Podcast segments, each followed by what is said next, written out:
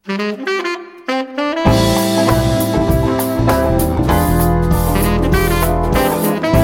თვალი დაკავებული გაქვთ და საკითხავად არ გცალიათ, ან თუ ჩემსავით სათვალეს ვერ პოულობთ, ან და თუ უბრალოდ მოგენატრათ თვალების დახუჭვა და სხვების მიერ მოთხრობილი საინტერესო ამბებისთვის ყურის მიგდება, მაშინ ეს პოდკასტი თქვენთვისაა.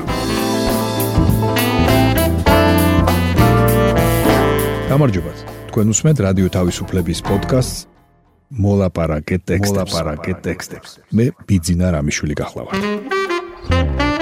აქ მოქმედი პირები არიან ტექსტები, რომლებსაც რადიო თავისუფლების ვებსაიტზე ვარჩევ თქვენთვის კვირაში ერთხელ და მათ მოსათხრობ ამბებად ვაქცევ ხოლმე.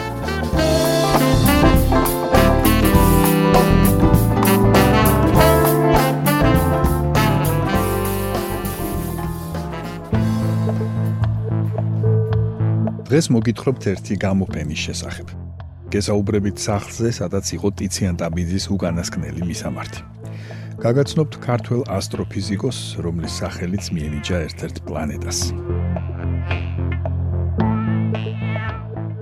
პოდკასტს დავიწყებთ ეკა ქევანიშვილის სტატიით, რომლის სათაური გახლავთ კავკასიის გამქრალი მრავალფეროვნება ადოლფ დირის ფოტოებში. ლიტერატურის მუზეუმში ცოტა ხნის წინ გაიხსნა თავის დროზე ძალიან ცნობილი ენათმეცნიერისა და ეთნოლოგის ადოლფ დირის ფოტოგამოფენა, რომელიც 100 წლის წინ საქართველოსა და კავკასიაში გადაღებულ ფოტოებს მოიცავს. ადოლფ დირი, რომლის დამსახურებაც განსაკუთრებით დიდია კავკასიური ენების შესწავლის საქმეში და მას როგორც ლიტერატურის მუზეუმის დირექტორი ისტორიკოსი ლაშა ბაქრაძე მოგვითხრობს 13-მდე ენის გრამატიკაც აქვს დაწერილი, საქართველოში პირველად 1900 წელს მოხდა და როგორც შემდგომ თავადაც წერდა, კავკასია მისთვის დიდ ენათმეცნიერულ ლაბორატორიად იქცა.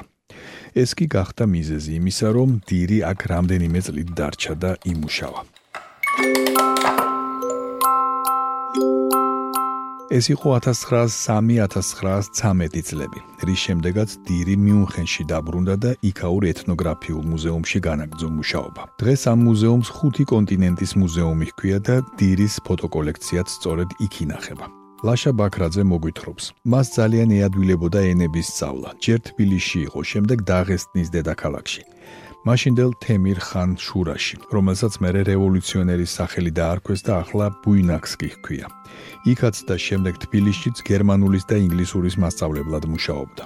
ჩვენს კავკასიურ მუზეუმთანაც თანამშრომლობდა, რომელიც დღეს ჩვენი ისტორიული მუზეუმია, რომელიც რუსთაველის გამზირზე მდებარეობს და სადაც დირის აქ ყოფნის დროს თბილისში იყო კიდევ ერთი საინტერესო გერმანელი კოსტიუმების მხატვარი მაქს ტილკე. რომელმაც გააკეთა ალბომი, რომელშიც თითქმის ყველა კავკასიელი ერის კოსტიუმები გააერთიანა. ამბობს ლაშა ბაქრაძე. ადოლფ დირის ფოტოების საქართველოსში ჩამოტანას ცალკე ისტორია აქვს. დაახლოებით 20 წლის წინ დრეზდენელი ეთნოგრაფის ბრუნო იორიგის სტატიაში ლაშა ბაქრაძე წააწყდა ცნობას, რომ ამ კაცს ადოლფ დირს რომელიც ლაშას ქართულ-გერმანული ურთიერთობების შესახებ თავის დისერტაციაშიც ყავდა ნახსენები, ფოტოებიც ქონია გადაღებული. კერძოდ მთელი კოლექცია კავკასიასა და საქართველოსში გადაღებული ფოტოებისა. იმ ჯერზე მიუნხენის მუზეუმში მისულმა ლაშა ბაქრაძემ ეს ფოტოები იმ მარტივი მიზეზის გამო ვერ ნახა, რომ ისინი დაბეჭდილიც კი არ იყო. შენახული იყო მხოლოდ ნეგატივებზე, შუშაზე და ასე შემდეგ. მხოლოდ წლების შემდეგ გოეთეს ინსტიტუტის თანადგომით და ცხადია მიუნხენის მუზეუმის დახმარებითაც ეს ფოტოები საგანგებოდ გაციფრულდა საქართველოსში გამოსაფენად. არჩევით კი ისინი თავად ლაშა ბაქრაძემ აარჩია. ასე იქცა ლაშა ბაქრაძის იდეა და სურვილი რეალობად. ადოლფ დირისთვის საინტერესო იყო კავკასიის მრავალფეროვნება. თვითონ წერს წერილში ეს მრავალფეროვნება მალე გაქრება და რაც შეიძლება მალე უნდა მოხდეს ამის ფიქსაციაო. ამიტომ დადიოდა და აგროვებდა საინტერესო საგნებსაც, რომლებიც შემდეგ მიუნხენის მუზეუმში და ნაწილი ბერლინის მუზეუმში მოხვდა. ასევე იღებდა ფოტოებს და ეს ფოტოები არის ხაზგასმით ეთნოგრაფიული ხასიათის. მას აინტერესებს ადამიანების სახეები, რა აცვიათ, რა აქსესუარები აქვთ. აინტერესებს მათი ყოფა და ეს გვაჩვენებს მართლაც აღარ არსებულ მრავალფეროვნებას კავკასიისას, გვიამბობს ლაშა ბაქრაძე. ადოლფ დირის ფოტოები თბილისის გოეთეს ინსტიტუტის პროექტის ფარგლებში მისი დაფინანსებით ფოტოალბომადაც გამოიცა. ეს არის ის კავკასია, რომელიც აღარ არსებობს, ამბობს ლაშა ბაქრაძე. ვერ ვიტყვით მაინც და მაინც ამ სიტყვას, რომ დავკარგეთ, რადგან ეს არის ბუნებრივი განვითარება. ერთი საუკუნე გავიდა და ძალიან ბევრი რამის შენარჩუნება ვერ მოხერხდა და ალბათ ეს შეუძლებელიც იქნებოდა. შეიძლება ამის გამოც ამ წიგნის გარეკანზეც საფლავის ქვებია. თითქოს ეს არის царსული, რომელიც არასოდეს არც დაბრუნდება და არასოდეს აღარ იქნება ისეთი, როგორიც იყო დირის დროს. რისიც ეშინოდა დირს, რომ ეს სამყარო გაქრებაო, ასეც მოხდა. ასე რომ ეს არის იმ კავკასიის სურათები, რომელიც დღეს აღარ არსებობს. უთხრა ლაშა ბაქრაძემ რადიო თავისუფლებას. ეს გახლავთ ეკა ქევანიშვილის სტატია კავკასიის გამქრალი მრავალფეროვნება ადოლფ დირის ფოტოებში. თქვენ უსმენთ პოდკასტს მოლაპარაკე ტექსტებს. ახლა გაგაცნობთ თეატოფურია სტატიას ტიციან ტაბიძის უკანასკნელი მისამართი. 2017 წლიდან საბჭოთა წარსულის კვლევის ლაბორატორია ლითონის პატარა მემორიალურ ფირფიტებს აკრავს იმ სახლების კედელზე, საიდანაც საბჭოთა კგბ-ს შუაღამისას ხალხი დასახვრეტად გამოხავდა. ამ პატარა დაფას უკანასკნელი მისამართის ფირფიტა ჰქვია. 11 ივნისს ეს ფირფიტა გრიბოედოვის ნომერ 18-ში ტიციან ტაბიძის სახლ-მუზეუმის კართან გააკრეს. დედა მაშინ 16 წლის იყო. უკვე ყველას ეძინა, როდესაც გაიგონეს, რომ კიბეებზე ხალხი ამოდიოდა.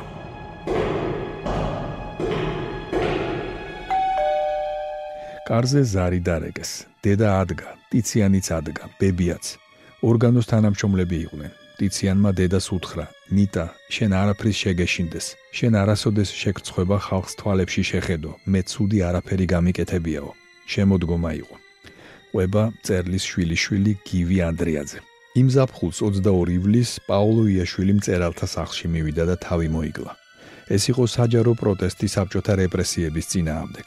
ტიციანი და პაოლო განუყრელი მეგობრები იყვნენ. ქუთაისში გიმნაზია ერთად დაამთავრეს.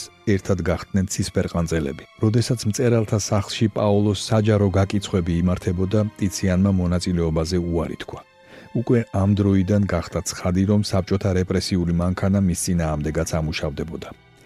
ლავრენტი ბერიამ რამდენჯერმე დაიბარა ტიციანი. დაწერე, რომ პაოლო ჯაშუში იყო, არაფრით არ დათანხმდა. სიამის ტყუპებივით იყვნენ პაოლო და ტიციანი. ქუთაისში ცისფერყანწელთა ქუჩაა და ახლა იქ ტიციანის და პაოლოს ძეგლი დადგეს. ჯერ არ მინახავს, ამბობს გივი ანდრიაძე. ბერიამ რომ დაიბარა, მას შემდეგ ორი თვე ტიციანი ძალიან ცუდად იყო. სულ ელოდებოდა, როდის მოაკითხავდნენ. სახლიდან არ გადიოდა. ცდილობდა არც თავად მიეღო სტუმრები, რომ შემთხვევით კიდევ ვინმე არ გაეხვია შარში. იმდენად ცუდად იყო, რომ ბებიამ ტიციანის მეუღლემ ერთხელ ქუჩაში ნაცნობს უთხრა. მეშინია ტიციანმაც თავი არ მოიგლასო. იმავე ღამეს მოვიდნენ წასაყვანად. როგორც ჩანს, იმ ადამიანმა დაასმინა. ტიციანსაც რომ თავი მოეკლა სკანდალი იქნებოდა. საშინლად აწამეს სანამ დახრედნენ. აკანკალებული ხელით უწერია ჯაშუში ვიყავიო. კიდევ ვინ იყო შენთან ერთად ჯაშუშიო? კითხეს და ტიციანმა გიორგი სააკაძე დაასახელა ნოსტედან.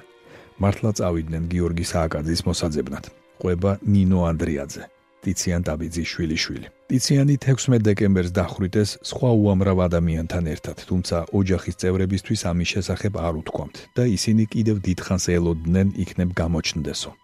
შვილმა ნიტა ტაბიძემ უნივერსიტეტში რუსული ენა და ლიტერატურაც კი შეისწავლა, რადგან ეგონა რომ мама ციმბირში იყო გადასახლებული და ოჯახსაც იქ მოუწევდა ცხოვრება. ბინა, რომელიც გრიბოედოვის 18 ნომერში მდებარეობს, ტიციანის მეუღლეს ნინო მაყაშვილს ბიძამ ალექსანდრე ჭავჭავაძემ ქორწილში აჩუქა.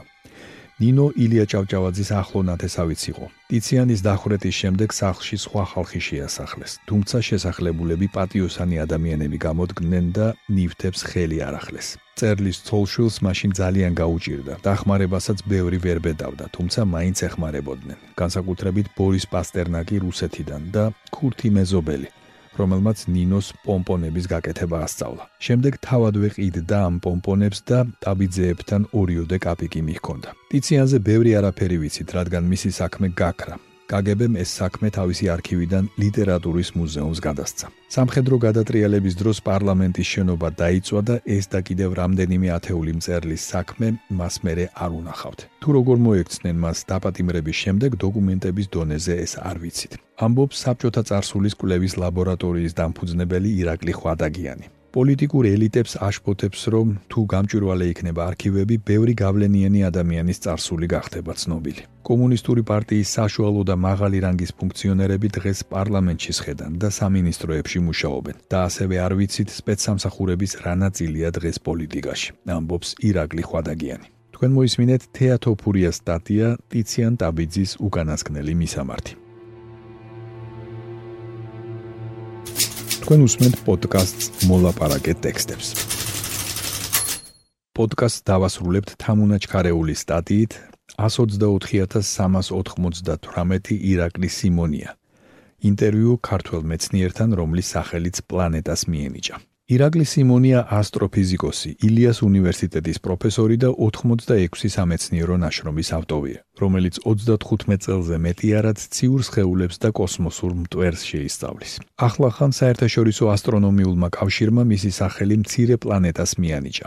ახლა ის იძებნება როგორც 124398 ირაკლი სიმონია. ირაკლი გვიამბობს თუ რატომ დაიწყო კოსმოსის შესწავლა, რას ნიშნავს არქეოასტრონომია და როგორია, როცა პლანეტას შენი სახელი ჰქვია.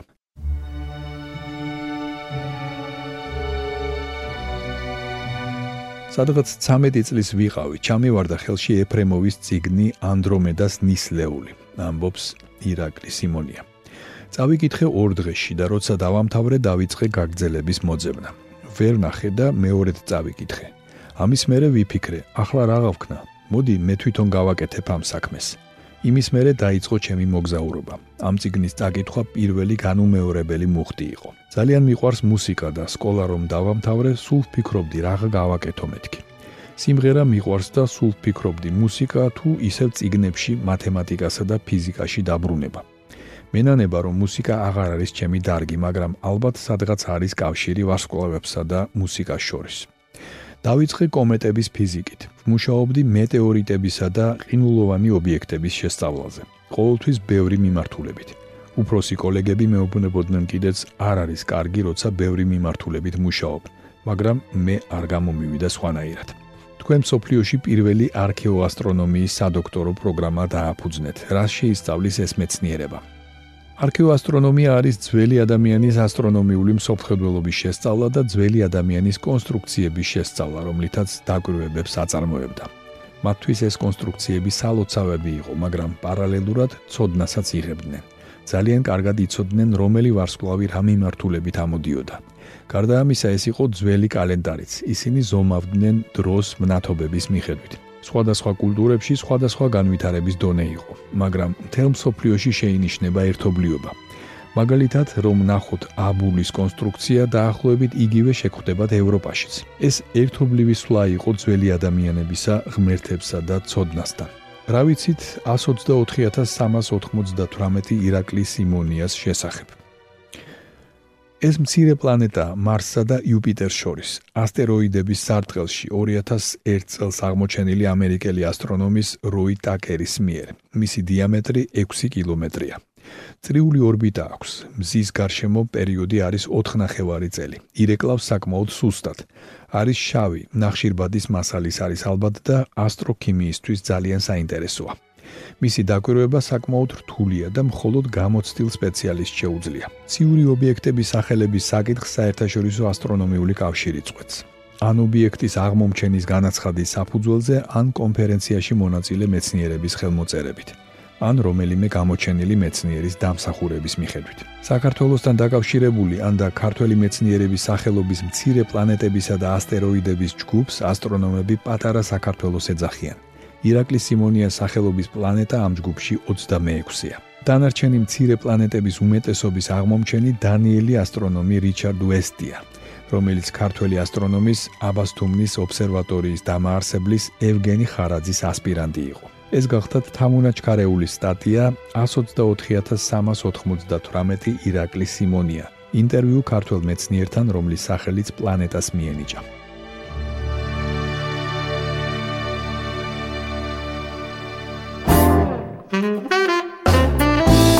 თქვენ მოისმინეთ რადიო თავისუფლების პოდკასტი მოლაპარაკე ტექსტები. მე კვირაში ერთხელ ვარჩევ რადიო თავისუფლების ვებსაიტზე გამოქვეყნებულ ტექსტებს და მათ მოსათხრობამდე ვაქცევ ხოლმე. ჩვენი პოდკასტი შეგიძლიათ გამოიწეროთ, ჩამოტვირთოთ ან მოისმინოთ პირდაპირ რადიო თავისუფლების ვებსაიტზე. მისი მისამართია თავისუფლება.ge. თუ ჩემი მიერ მოთხრობილი ტექსტები სრული სახით დაგაინტერესებთ, მათი მოძებნა იულია. ვებსაიტზე, პოდკასტის გვერდზე იპოვით ყოველ ცალკეულ პროგრამაში მოთხრობილი ტექსტების ბმულებს. მე ბიძინა რამიშვილი ვარ. მომავალ შეხვედრამდე.